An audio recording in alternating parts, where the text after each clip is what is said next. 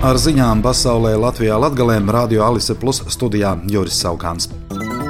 The Washington Post, atsaucoties uz Amerikas Savienoto Valstu un Arābu diplomātiem, ziņo, ka Izraēlas galvenā sabiedrotā ASV kopā ar vairākām Arābu valstīm strādā pie visaptveroša plāna ilgstoša miera panākšanai starp Izraēlu un palestīniešiem. Tajā ietverts arī laika grafiks palestīniešu valsts izveidošanai. Izraēlas premjerministrs Benjamins Netanjahu paziņoja, ka noraida plānu par palestīniešu valsts starptautisku atzīšanu, nosaukdams to par milzu balvu terorismam. Ieslodzījumā miris viens no Krievijas opozicionāriem, Aleksējs Navaļnīs. Šonadēļ viņš jau 27. reizi bija ieslodzīts karcerī, pēc pastaigas zaudēja samaņu, ārsti mēģināja viņu reanimēt, taču neveiksmīgi. Navaļniem nāves brīdī bija 47 gadi. Virkne Latvijas augstu stāvošu politiķu šajā sakarā sociālajos medijos izteikušies, ka Navaļnie nāve pilnībā gulstas uz Putina noziedzīgā režīma sirdsapziņas. Par masu slepkavību notiesātais Anders Bērings Breivīks savā otrajā mēģinājumā apsūdzēt Norvēģijas valsti cilvēktiesību pārkāpumos tiesā zaudējis.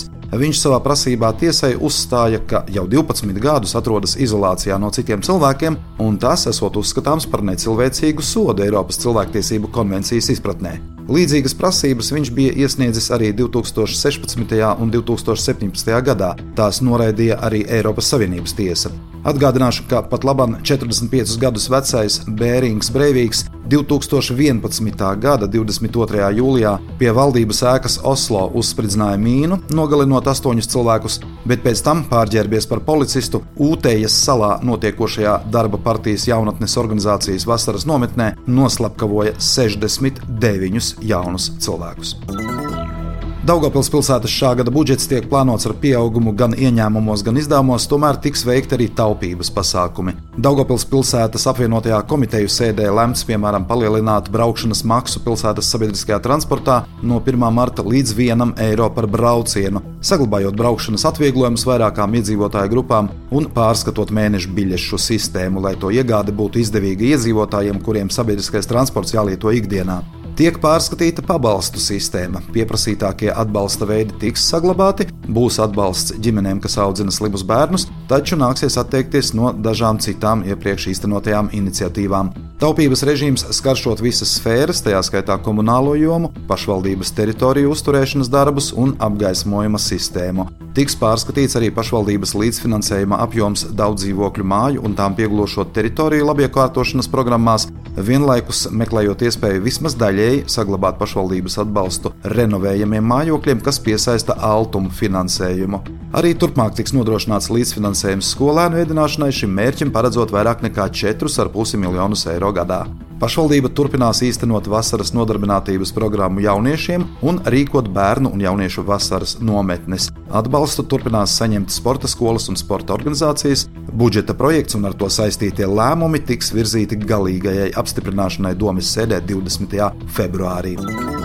Saimas valsts pārvaldes un pašvaldības komisijas priekšsēdētājs Oļegs Būrovs paziņoja, ka Reizeknas domē budžets ir jāpieņem bez deficīta, lai pašvaldība varētu saņemt valsts piedāvāto 5 miljonu eiro aizdevumu. Būrovs vērsa uzmanību, ka domē budžets jāpieņem līdz 21. februārim. Pašlaik domas sēde gan esot sasaukta uz 22. februāri. Pieņemt bezdeficīta budžetu dienu vēlāk par vajadzīgo laiku būtu noteiktā termiņa pārkāpums, nu, taču tā nebūtu principiāla neizdarība. Aizdevuma piešķiršana Reizeknas pilsētai ir ārkārtas risinājums, kas paredz atbildīgo ministriju pastiprinātu uzraudzību.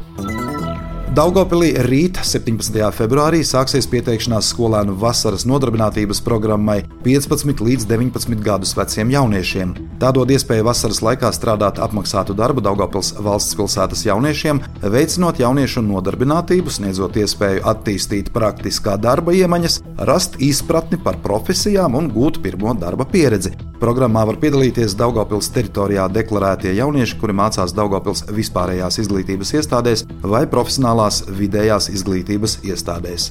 Jauniešiem vecumā no 13 līdz 14 gadiem, kā arī 15 līdz 19 gadus veciem jauniešiem būs iespēja strādāt 4 stundas dienā, 10 darba dienas. Ar ziņām studijā bija Juris Saukāns par ziņu raidījumu Ziņas bez robežām pasaulē Latvijā Latgalē. Saturu atbildi SIA Alise Plus projektu finansē Mediju atbalsta fonds no Latvijas valsts budžeta līdzekļiem.